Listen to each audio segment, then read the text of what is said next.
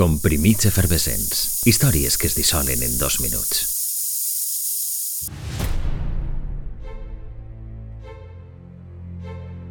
Acabà convertint-se en una travessia penosa que durà setmanes. Un poble en defensa del seu estil de vida que fou obligat a fugir per la força. Abandonaren sa casa i avui és el dia que encara no han pogut tornar. Un 28 de març, el Dalai Lama deixava el Tibet per a refugiar-se a l'altre extrem de l'Himàlaia, l'exili de Dharamsala. La revolta contra l'ocupació xinesa fou un fracàs i els tibetans s'hagueren d'acostumar-se a un exili que ja frega els 60 anys. Amb només dos anys fou reconegut com la reencarnació d'un lama anterior, la que feia 14.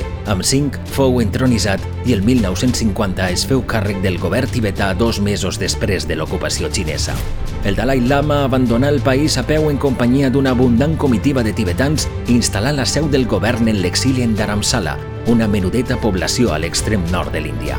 Des d'aquell moment, la principal activitat del Dalai Lama ha sigut recórrer el món i visibilitzar la identitat i la precària situació del poble tibetà.